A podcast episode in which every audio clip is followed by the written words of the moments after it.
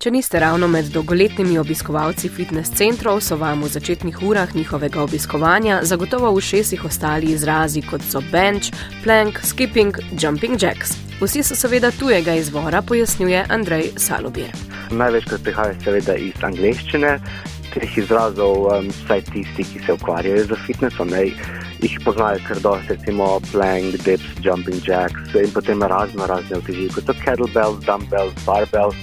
In je tu malce težava, ker za nekatere izraze imamo nekako slovenske prevode, pa vsaj nekako opišemo, pri nekaterih pa se nikoli ni, ni bilo niti poskusov, da bi uvedli slovenske izraze ali pa se to prijeli niso. Že sam izraz fitness je pravzaprav tujka fitness sicer imamo nekakšen prevod za to, če pogledamo v jezikoslovne priročnike, fitness pomeni ali telesne vaje, torej zlasti na posebnih eh, napravah, ali prostor, kjer izvajamo te vaje, torej to, čemu rečemo fitness center, lahko pa fitness kot uh, koncept pomeni tudi splošno telesno pripravljenost. Glede na to, da ta izraz že zelo dolgo živi nekako v slovenščini, pa tudi ga že slovenimo, torej ne zapisujemo fitness za dvema sojema na koncu, pa samo za enim, je najbolje, da potem kar tako ostane, ker na vse zadnje raba v jeziku nekako prevlada in se potem ukorenili med ljudmi. Preden se lotimo pojasnjevanja oziroma prevajanja posameznih besed, pa poglejmo proces iskanja slovenskih ustreznic. Takole pravi sogovorniki iz prevajalske agencije Limeta. V Sloveniji nekako nimamo neke raziskovalne note, ki bi se prav uh, ukvarjala s preučevanjem športne terminologije, zato je potem ta terminološka nedorečenost kar problematična.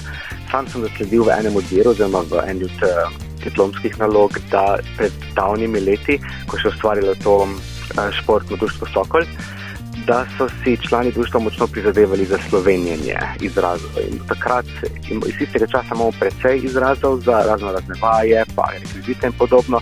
No, potem se je to kar nekako izgubilo.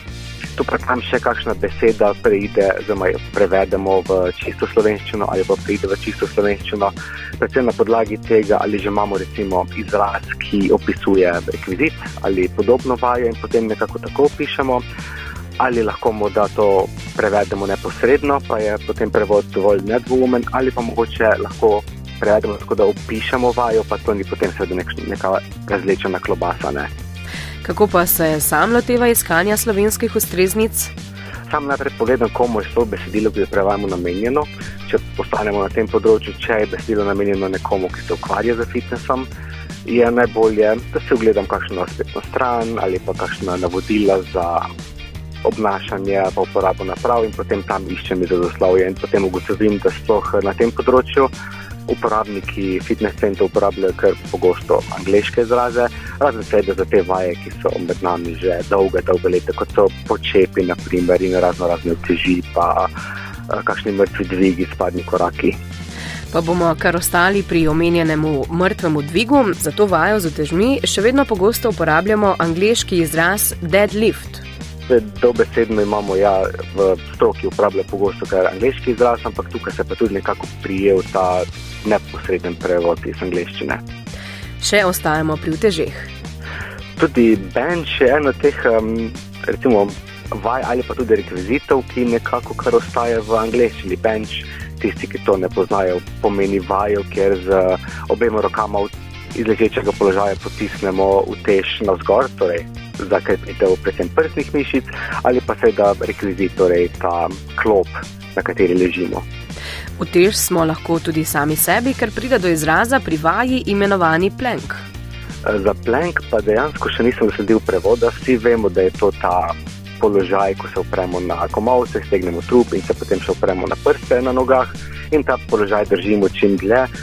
To bi sicer to besedo lahko prevedli kot ploh ali deska, ampak to se seveda ni prijelo.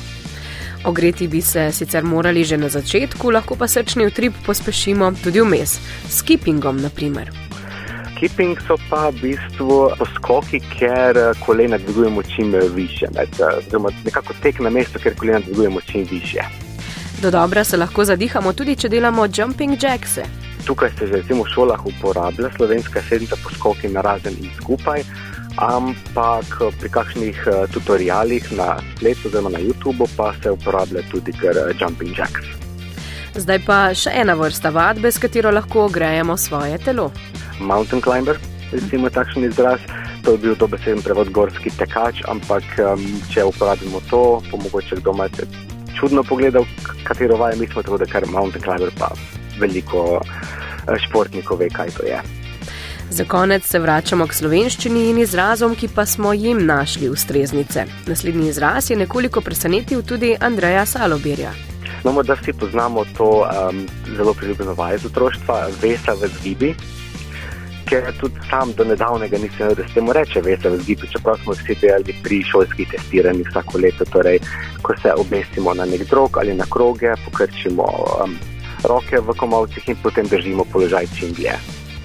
Če smo na začetku rekli, da večina fitness izrazov prihaja iz angleščine, pa smo pri imenovanju naslednjih navdih poiskali drugot, na švedskem ter v Bolgariji in Romuniji. Švedska skrinja je to, čemu smo mi včasih eh, pred davnimi leti v osnovni šoli rekli, kar skrinja. To je ta lesen zaboj, ki je na vrhu blazinjen in potem prevlečen z nekim eh, vodotvornim materialom. Bolgar pa Romunija je v bistvu samo krajši izraz za, bolgar, za bolgarski spadni korak torej vaja, ker je zadnja noga pokrčena in dvigana na podlago, na sprednji nogi pa potem delamo nekako počep.